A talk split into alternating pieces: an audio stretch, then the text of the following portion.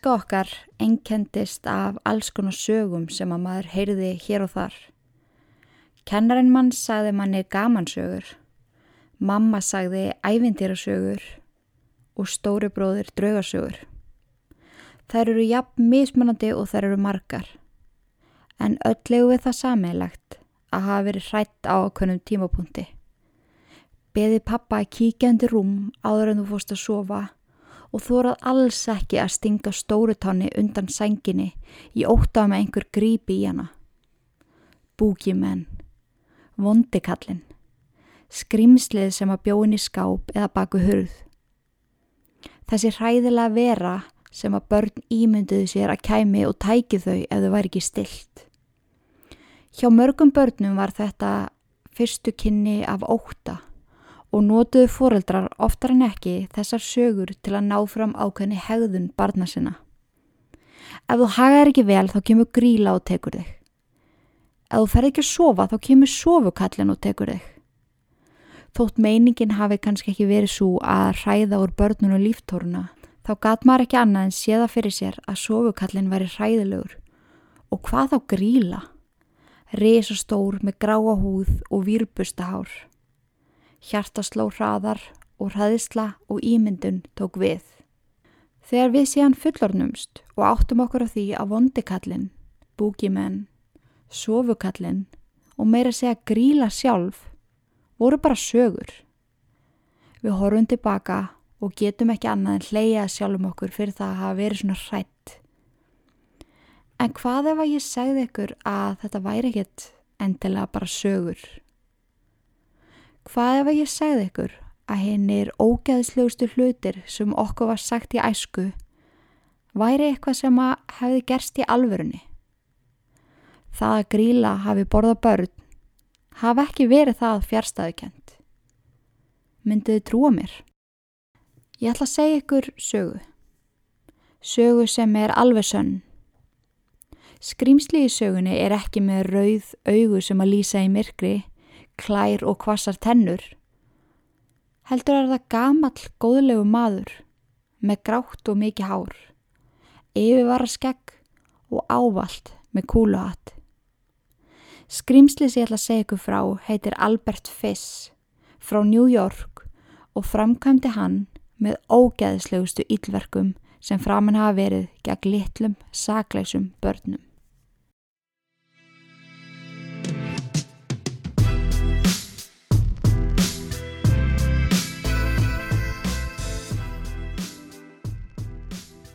Hamilton Howard Fiss sem fekk snamma viðunefnið Albert sem er í sjálfu sér mjög skrítið og svolítið eins og að heita Jón og vera að kalla það Siggi en ok en hann var fættur þann 19. mæ 1870 í Washington DC. Fóreldra hans voru þau Ellen og Randall Fiss.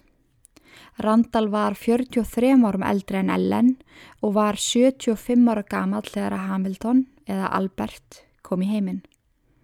Hann var yngstur sískina en þau Walter, Annie, Edwin voru mun eldri en hann. Hann beita í sig mjög ungur að vera kallaður Albert því bróður hann sem lesta hans tíra gamal hafði heiti Albert. Eftir að hafa heyrt sögur af bróðu sínum og farið marg oft í heimsókna leiðinans fannst honum réttast að taka upp nefnið hans líka. Það hefur líklast ekki hjálpa til að með skýrnarnafnin hans Hamilton kom oft upp gælunafnið Ham and Eggs sem að hann hafði engan humor fyrir. Randall, fadir Albert, vann á skipi sem skipstjóri og eitti því litlum sem engun tíma heima við. Hann hafði aldrei þólumæði fyrir börnunum sínum eða nokkun áhuga á að umgangastau, svo Ellen sá mikið um þau einn sem reyndist henni virkilega erfitt þar sem hún var mjög veik andlega. Hún þjáðist af ofskinjunum og djúbu þunglindi en geðsjúkdómar gengu í fjölskytunu og mátti reykja geðsjúkdóma langt aftur í ættir Alberts. Svo þegar fadur hans lést úr hjartáfalli á lestarstöð á leðinni heim og vinnunni 1975 misti Ellen algjörlega geðhelsuna. Eldri sískinni Alberts voru öllurinn stálpuð og farin að heiman en hann satt einn eftir á virkilega brotni heimili og fekk þar enga ást og enga umhyggju. Nokkrun dögum eftir að fadur hans var jarðaður kom Ellen Alberti litla fyrir á munaðleysingja heimili, St. John's í Washington. Frá degi eitt á heimilinu var Albert beittur andlegu og líkamlega ofbeldi. Hann fekk ekkert að borða dögum saman og börðu starfsmann hann oft með belti svo að sveið og blætti í sárin. Strákanir á heimilinu strítu honum, girtu niður um hann og neittu hann í alls konar leiki sem sköttuðu hann til frambúðar. Hann var vittni af strákunum á heimilinu gera hluti sem að þeir áttu alls ekki að vera að gera. Albert segi frá því setna meir að þegar hann var nýjára fór að gerast allskins hlutir sem hann skildi ekki sjálfur. Þá ég við hlutir innra með honum. Í stað þess að gráta á hræðslu þegar starfsmenn heimilisins börðan fekk hann fullnægu eða þessa skrítnu tilfinningi í limin eins og hann segi sjálfur sem hann fattaði setna meir að væri fullnæging. Hann varð kynferðislega spenntur við að hugsa um sársöka. Þarna hefur Albert verið á fyrstu stegum þess sem að kallast að vera satisti.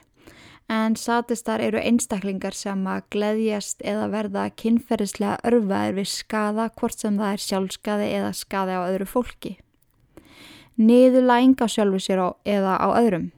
En auðvitað eru til mismunandi steg og satistarnir jafn mismunandi og þeir eru margir en oft hafa satistar upplefað eitthvað tíman á æfinni, eitthvað skona tráma eða mesnótkun og snúa þeir þá hegðun sinni upp í andkörfu sína til að virka í lægi, bara til þess að sína heiminum að þeir eru að fungera og þetta er ekki að hafa neinn áhrif á þá. Eh, það þarf samt alls ekki vera þannig að satistinn hafi allir stöfið tráma eða orði fyrir ykkur úr hræðilegu sumir hafa þetta bara í sér og gleðjast til dæmis yfir því að einstaklingur sem lagði því einelti degi í bílslisi, svo dæmis er nefnt. En Albert okkar hafði gengið í gegnum margt á sinni stuttu æfi. Hann fættist í heiminn með enga föður ímynd sem er örgulega ekstra erfitt þegar barni veit að fadurinn er á lífi en kæri sér ekki um að taka þátt í lífi barsins. Talið er að Albert hafi þróa með sér mikinn hatur á karlmönnum og mikla beturð í garð föðu síns og alla æfi hafi hann reynd að sína það að allt væri góðu þráttur það að pappi hans hafi ekki veljað hann. Eina manneskjan sem hann kannu raunverulega treysta á var mammans sem hafði alla hans æfi átt erfitt andlega.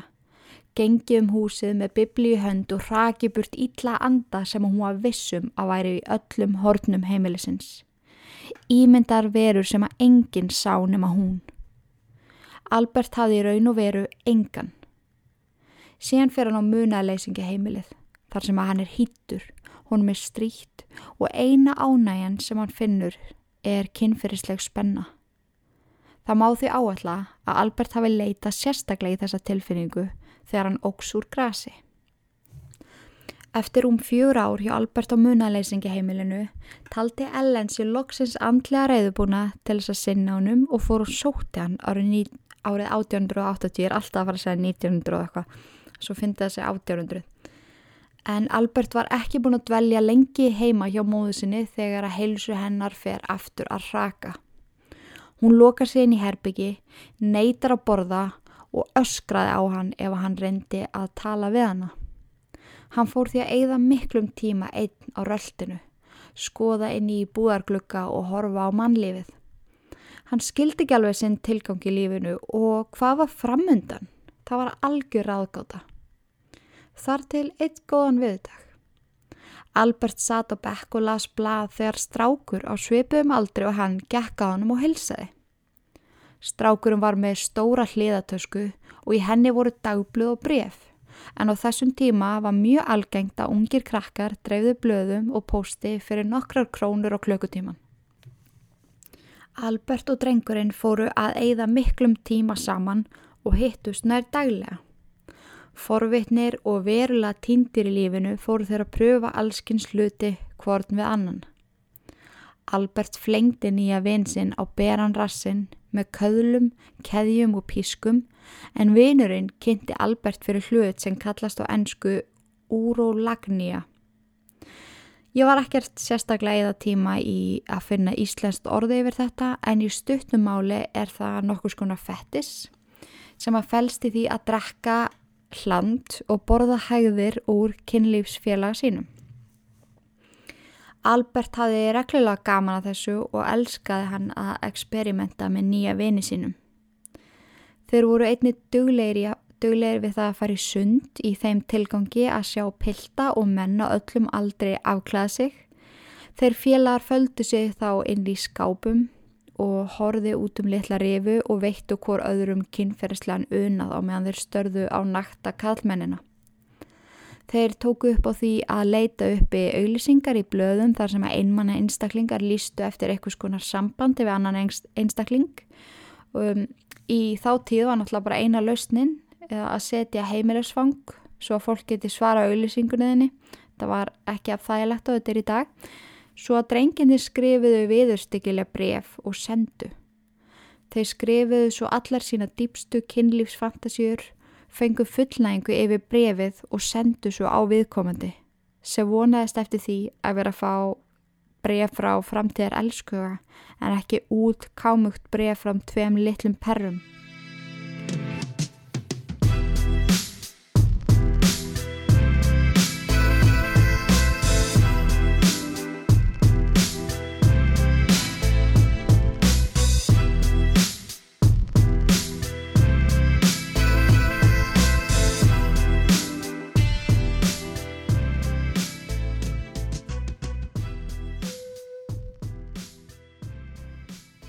Já, krakka mínir.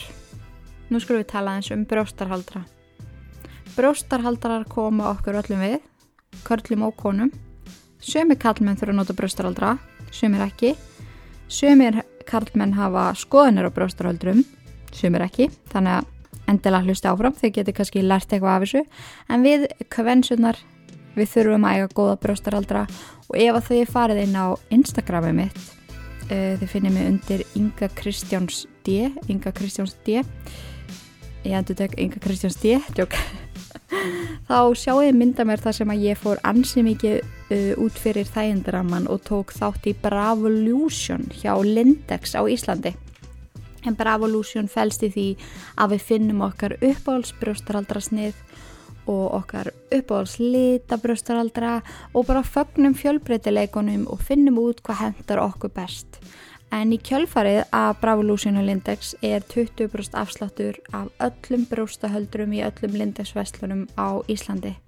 Þannig að ég hvet ykkur eindreiði til þess að kíka í næstu Lindex-vestlun, finna ykkur góðan bróstaraldra að fá aðstóð, fá mælingu og finna ykkar eina rétta. Þannig, endilega kíkið við, þið getur líka vestlað á lindex.is ef þið eruð út á landi en ég vildi allavega koma inn á þetta hér og endilega kikið inn á Instagramið og sjáuð hvaða brjóstaraldri er í mínu uppáhaldi. Takk og bless!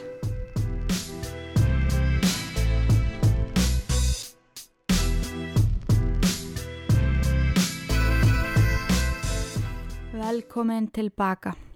Mér finnst svo dásamlegt hvaða er einhvern veginn engin auglýsing sem að passa inn í þess að þetta ég er alltaf að tala um einhvern viðbjóð og svo fer ég að tala um fæðbótrefni eða brjósturaldra whatever. En það er spurning hvort að ég fari að auglýsa sláturkeppi eða rolluskrokka eða eitthvað svolítið eða kindabjúur eða eitthvað svolítið það myndi ángriðs meika meira sens en ég meina whatever okkur er sama. En í, já, svo við höldum áfram með Albert fucking Fish. Þá var hann í kringum tvítugt uh, að þegar, að þegar við heldum áfram með hann. Og hann leiðist þar úti að selja líkamassins selja líkamassinn, ekki sinns. En hún fannst það einhvern veginn fullkominn þróun á lífisinu og unni sér vel í þessu starfi.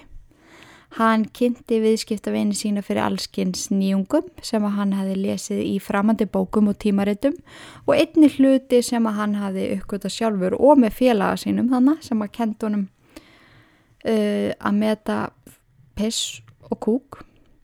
En ég myndi til dæmis segja að Albert hafi verið með þeim fyrstu til að nota tipparhingi. Í dagur þegar notaði mjög mikið og alls ekki þeim tilgangi til að skada einstakling sem er meðan á sér heldur bara til að auka unnað en á meðan tepparhinginir okkar í dag eru úr ofnæmisfríu, latexlausu, vegan gummi þá er hans kannski úr gattavýr eða varahlutum úr gömlum skóta.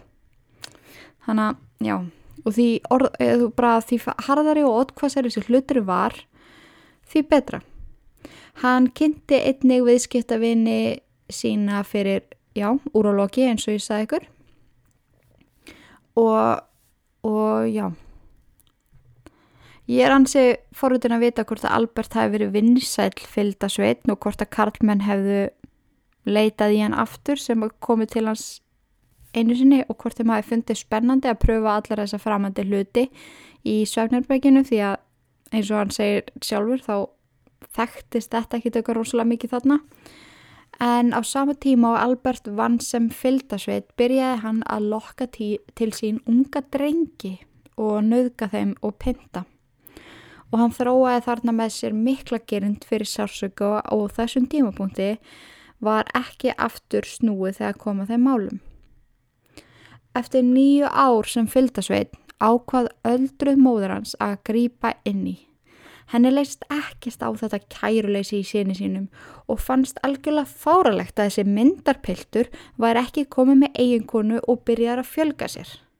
Hún kom því í kring að kynna Albert fyrir henni önnu Mari Hoffmann sem var þá 19 ára og Albert 28 ára. Hún var dóttir kaupmannsinn sem að Ellenu verslaði oft við til dæmis lif og annað en eftir gott spjall eitt kom við dæn komust þau að þeirri niðurstöðu að börnin þeirra væru líklast best sett saman.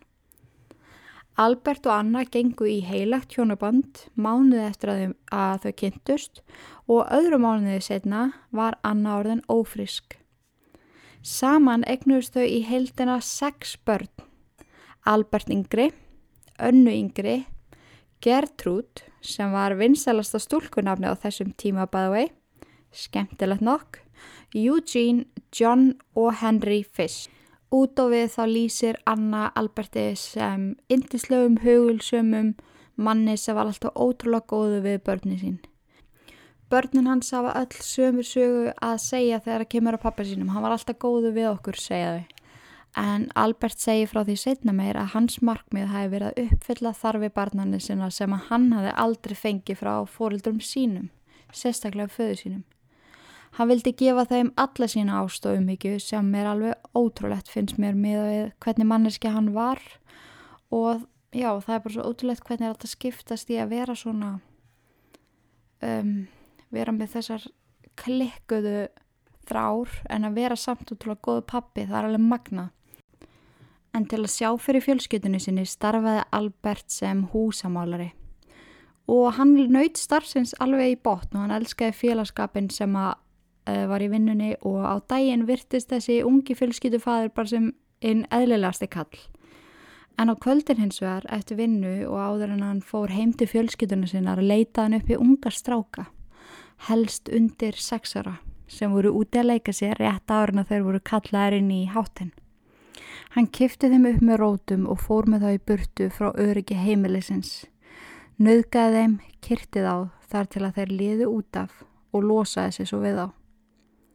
Eftir það hjælt hann heim til fjölskytunar með brauð og mjólk sem hann kefti á markanum á leðinni heim og sér svo við bördi sín þar til að þau áttu sjálf að fara í hátinn.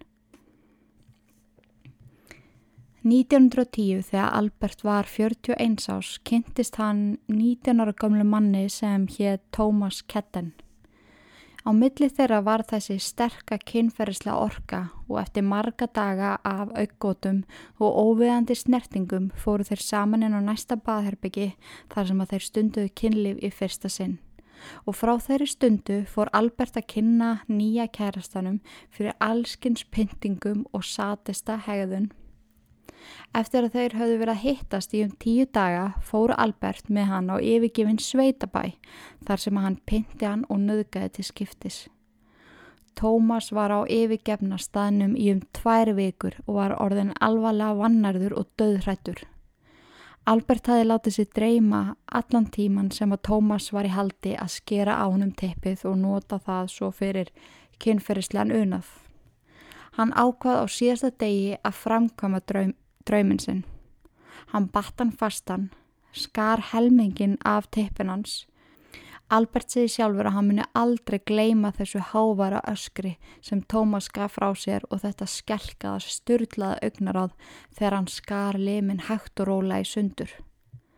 Plani hafi alltaf verið að fara með Tómas á yfirgefna bíli til þess að drepa hann, skera líki í búta og taka með til þess að elda. En ótti við hlýjaveðri sem að reyði við New York myndi flýta fyrir rótnun á líkamspörtunum og líktinn kæmi um, uppum hann, sannilega en hann skemmti sér líka bara óvel við að fá það sem hann vildi og gera það sem honum dætt í hug og þess vegna endist þetta svona lengi. Hann ákvaða að það besta í stöðinu væri að hella spritti á Sár Tómas og vefja tippið með vasilinn smörðri grísju. Kissa hann bless, stinga tíu dólar að segli upp í hann og skilja hann svo bara eftir. Albert fór með lestinni heim heyrði aldrei hvað var það ungamanninum og hvort að hann væri lífs eða liðin.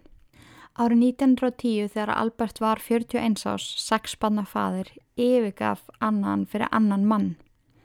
Hún gaf engin bóða undan sér, heldur fór bara og tók hverja einustu eign af heimilinu og seldi á uppbóði fyrir sinn eigin hagnað.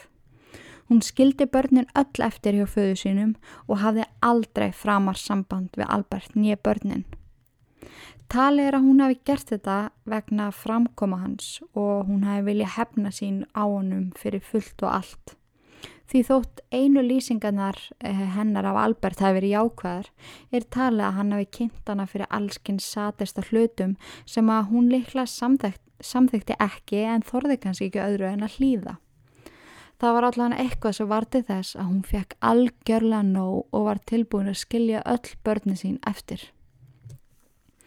Albert satt einn eftir með börnin sex og engan samastað þar sem hann hafi tekið allt og fór hann þarna stundan er daglega sjálfskaða af einhverju tægi. Tunglindi sem yfirtókan var djúft og dimt og þessi missir gerði það verkum að Albert átti engan sjans á að verða betri manni. Leiðin lág niður og með honum áttu eftir að fara saklusir einstaklingar sem áttu framtíðina fyrir sér. Það hætti að döga Albert að kirkja sjálfa sig með belti, skera í húðin á sér. Hann þurfti eitthvað meira, hann þurfti meiri sársöka með auknum og með auknum sársöka kom aukin spenna og það var eitthvað sem að Albert þráði. Hann tók upp á því að stinga nálum og nöglum inn í þvagrásin á sér, í náran og inn í naflan. Hann fekk svo fullnægingu frá því að hugsa til þess að hann væri gangandi um með þetta og stingandi sársökin sem fyldi bjóti þessa óendanlegu spennu. Þegar við líklega sé þessa frægu rönganmynd sem að ég til dæmis setti á Facebookið, eh, Ílverk Facebookið, en það var tekinn svona rönganmynd af honum um, eftir að hafa búið handtakana því að í fangilsinu átt hann svo ótrúlega erfitt með að setja, hann gæti ekki setja, hann fann fyrir svo mikla verki í Mér langar að segja leginu af því að verkurinn er þar en allir ég segi ekki nárannu frekara því að menn er ekki með leg. En hann bara fann sem fyrir svo miklu sársöka og, og leknaði voru bara hvað er á hann og, og þegar þeir skoða svo röngamyndina þá voru í heldina 29 nálar og naglar sem fá, sátu bara fastar í honum innvorti sem að hann hefði verið að dunda sér að stinga einmitt innum þvægarósinu á naflan og í gegnum náran og okkur svo les og hann hafi líka einstakt dálæti af því að stinga öllargarni upp í rassin á sér rassin á sjálfu sér. Og hann hafi renn bleitt með svona mm, bensin, ekki bensíni heldur svona fire fluid og kveikt svo í og tilfinningin þegar hann fann ullin að brenna inn í hann var ógleimanleg, segir hann sjálfur, setna mér. Ég myndi segja að þetta væri svona e, lokasteg satista, myndi ég segja. En hann gerði börnunum sínum aldrei megin og þau segja sjálfa hann hafi alltaf verið en góður þrátt fyrir að hafa beðið þau kannski um svolítið skrítna hluti eins og til dæmis að slá hann í rassin með bursta sem að hann hafi fjarlægt hárbustana af, hárgattana af og sett negla í staðin. Hann skoraði á börnin sína berja hann eins fastuðu gátu með þessu og leiði mér segja á vinum krakkana þeirra að gera það líka. En hann notaði svo þennan naglabusta mikið sjálfur í allskynsluti sem er, erum við, já, vægast sagt við stykkilegir. Og með tímanu fór Albert að kreyfa það að borða rátt, rátt kjöt, mannesku. Hann var ekki alveg viss, en hann fór að kreyfa eitthvað annað, þú veist, það, ekki, það var ekki lengur nóg fyrir hann að borða eðlilega mat, en hann dagdreymdi um það að hvernig væri að hérna, matræða mannesku hvernig væri að gera heimakjart mannakjött og þetta er bara eitthvað sem hann var stanslist að spá í og hann var kannski ekki alveg tilbúin að taka þetta skref og svona til að brúa bylið þá ádan rátt dýrakjött sem olli oft miklu magakveisum á heimilinu þar sem að börnin hans voru tilnitt til að geta það líka. Ói, myndi maður ekki kalla það eitthvað svona misnótun eða eitthvað? Rátt nautakjött? Það ég veit ekki, kannski er það bara sushi. Ég, hvað veit ég, hvað veit ég. En í kringum 1920 fóru Íllverk Alberts upp á nýtt plan. Hann rændi dreng sem var á gangi heim úr skólanum og stakkan. Hann gugnaði svo og slefti drengnum sem að eftir þetta lagmaðist hegra megin í líkamunum og gæti aldrei sagt hver hafi gert honum þetta því að trámað var svo mikið og minnið í móðu. Albert tók þarna meðvita ákvörðum um að hann ætlaði að byrja að leita upp í fórnalömp sem að hann, hann setti samt upp svona smá reglu fyrir sjálfa sig. Hann yrði að vanda valið í leitina af fórnalömpum og þetta er pínu erfitt að segja þetta en hann ákvað að fórnalömpin hans yrðu helst að vera fölluð, lömuð eða mikið veik eða African American. Af hverju spyrjiði? því hann taldi minni líkur á því að ykkur myndi sakna þessara einstaklinga og því minni líkur á því að það kæmist upp um hann. Real life boogeyman, eins og ég saði í upphafi. Hann fór því þarna eftir þessa meðvituð ákvörun að ræna börnum sem voru dökka hörund eða sjáanlega fölluð. Nauðga þeim, drepa þau, skeraði niður búta með kjötnýf og lítilli handsög. Hann hafi og þótt að hann var að gera þetta og var hann ekki ennþá tilbúin að borða þau þannig að hann notaði stekkin fyrir sinn kynferðslega unnað. Hinga til hafði hann aktað á einn þrá en upp úr 50 fór Albert að halda því fram að hann væri að gera það sem að guðvildi hann gerði. Hann væri að losa jörðina við einstaklingar sem ekki væri plássferir. Spennan og kynferðslega losunin sem hann fann þegar hann skar kynfæri af ungum drengjum var í rauninni umbun frá Guði. Það held hann allavega. Ótrúlegt en satt þá giftist Albert aftur 7. februar 1930 henni Estellu Wilcox.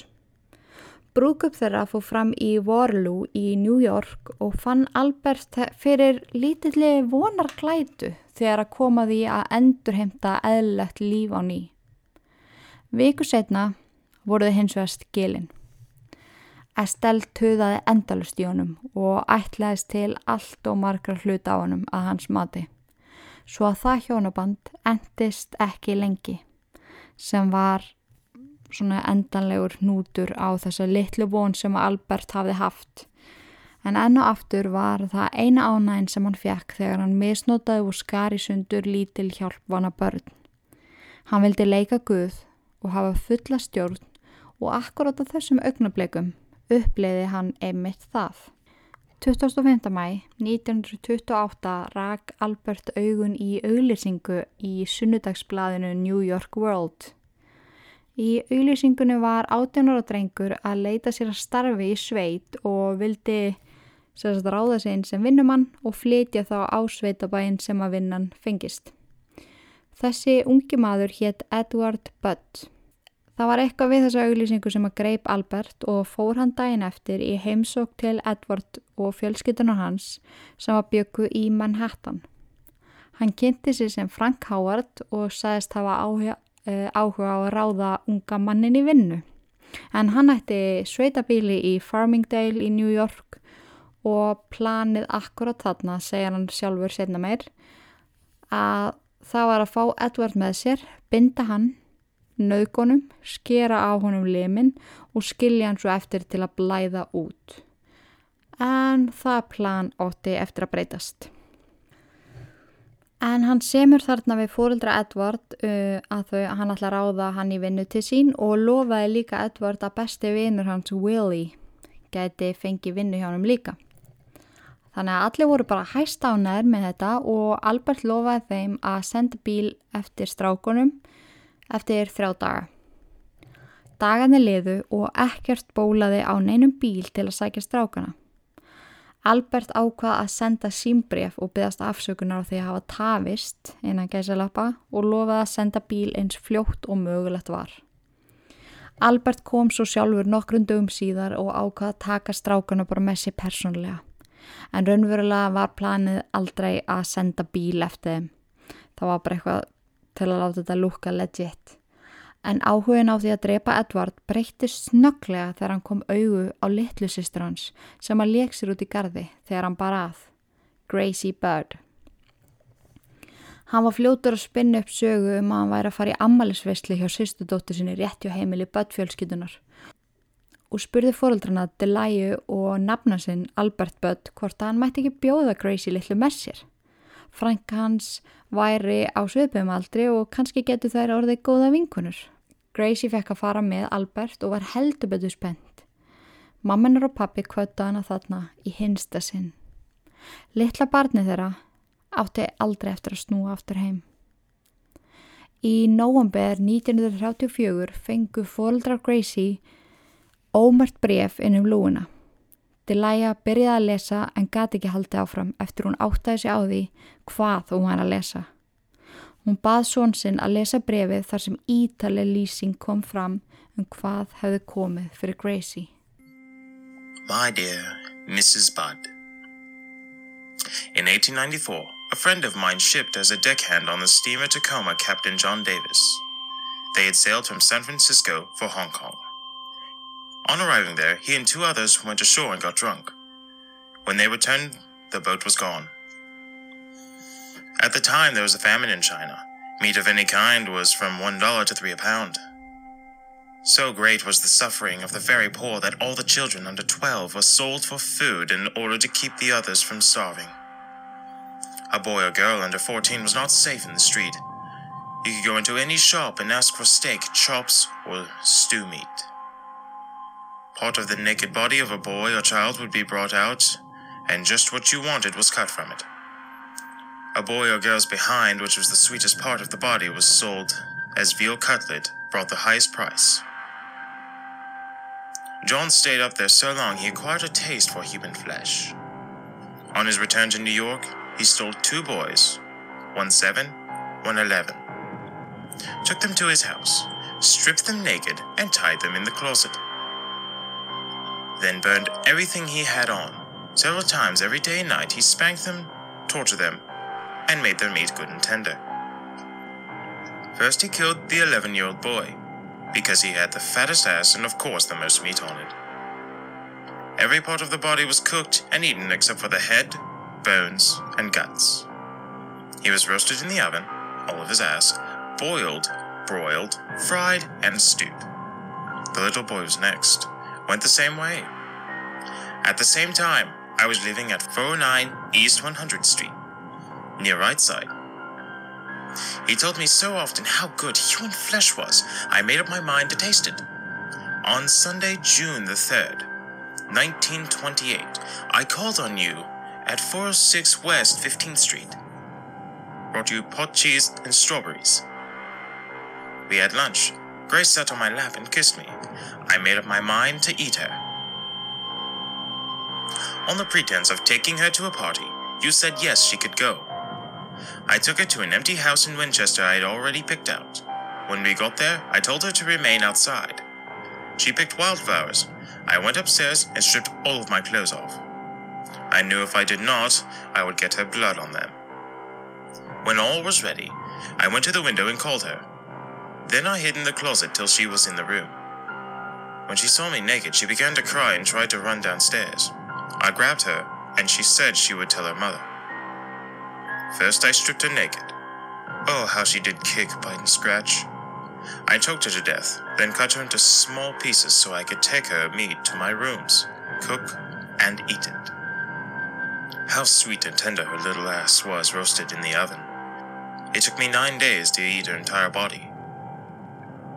I did not fuck her, though I could have if I had wished. She died a virgin. Þið getið lesið brefið ef þið googlið Albert Fish letter to Bud's parents ef að þið skildu ekki hvað þessi blessaði breski maður var að segja.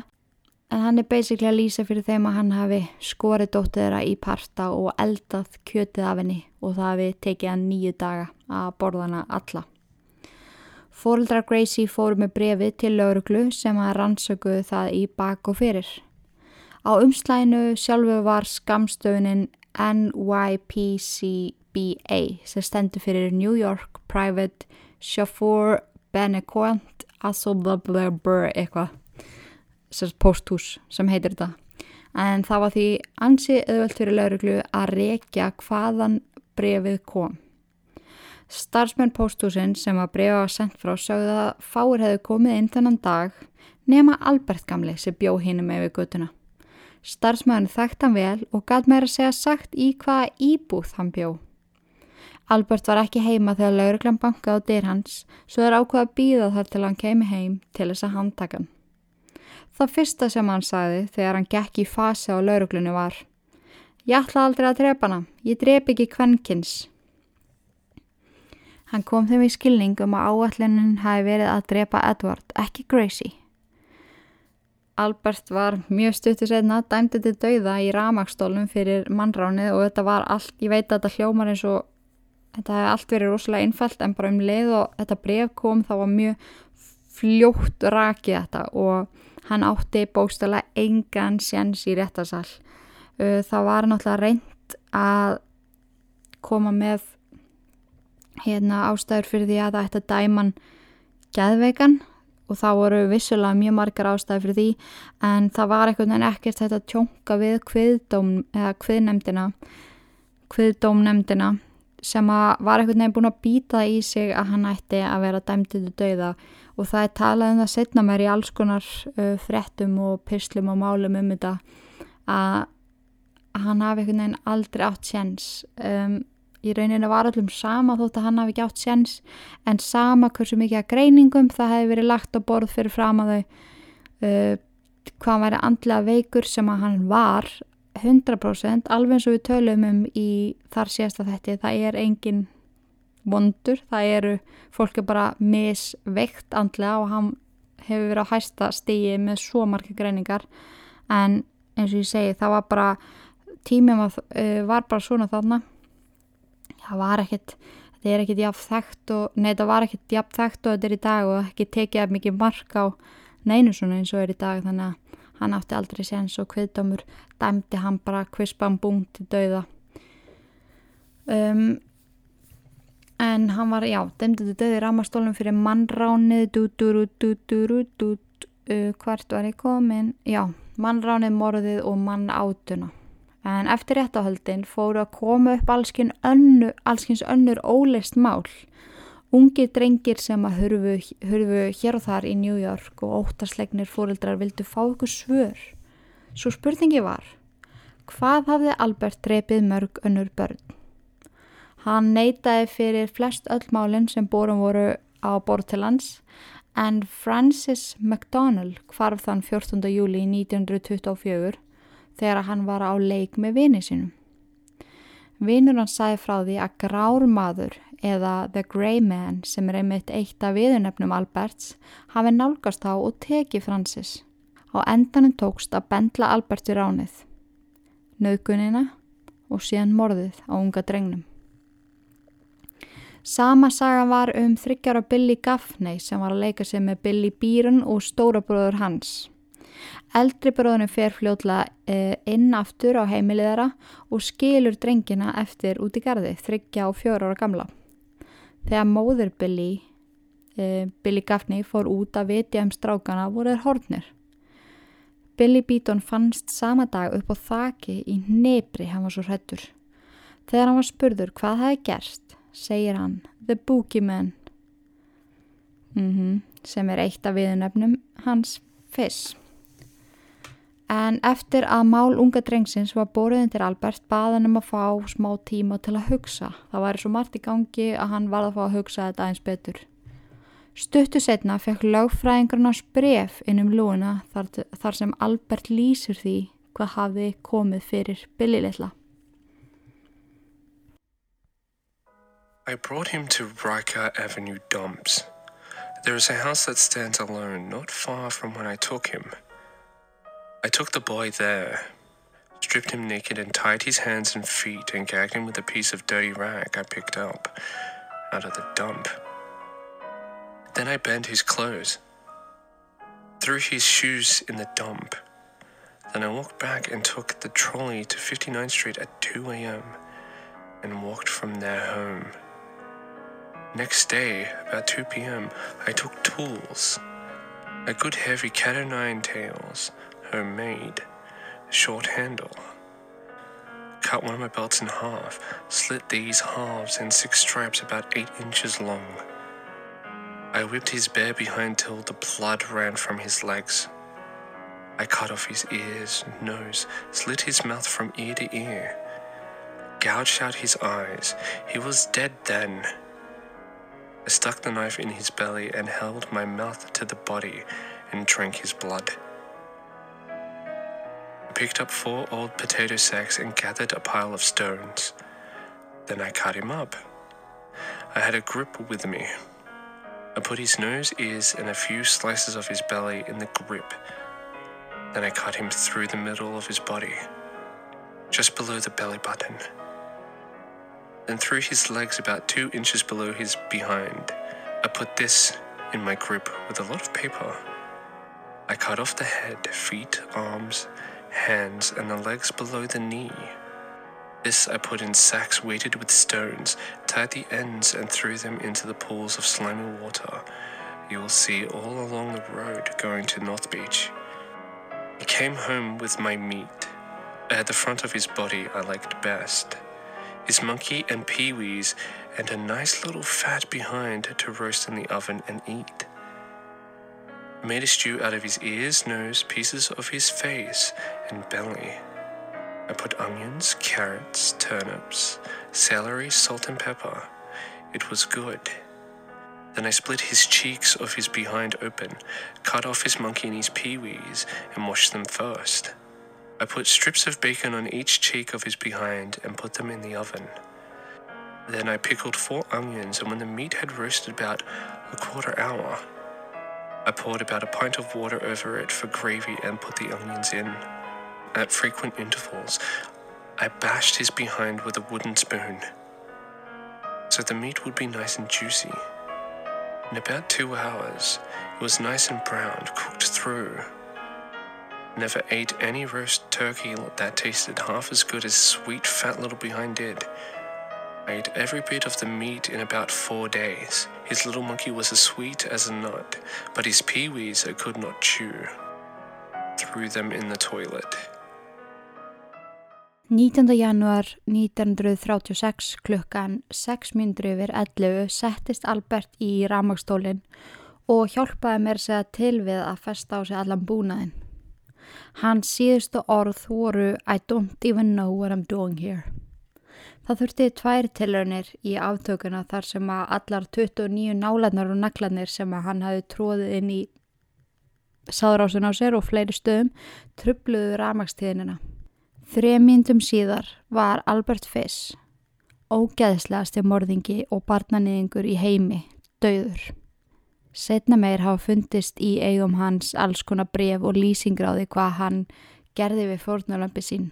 Eitthvað sem rannsónalaurugla og fleiri fræðamenn munu aldrei sína almenningi því að þeir segja að lýsingarnar séu það ógeðslegar að eðlilegt fólk skemmist andlega við að ímynda sér allan viðbjöðun sem Albert framkvæmdi á sinni lífsleif.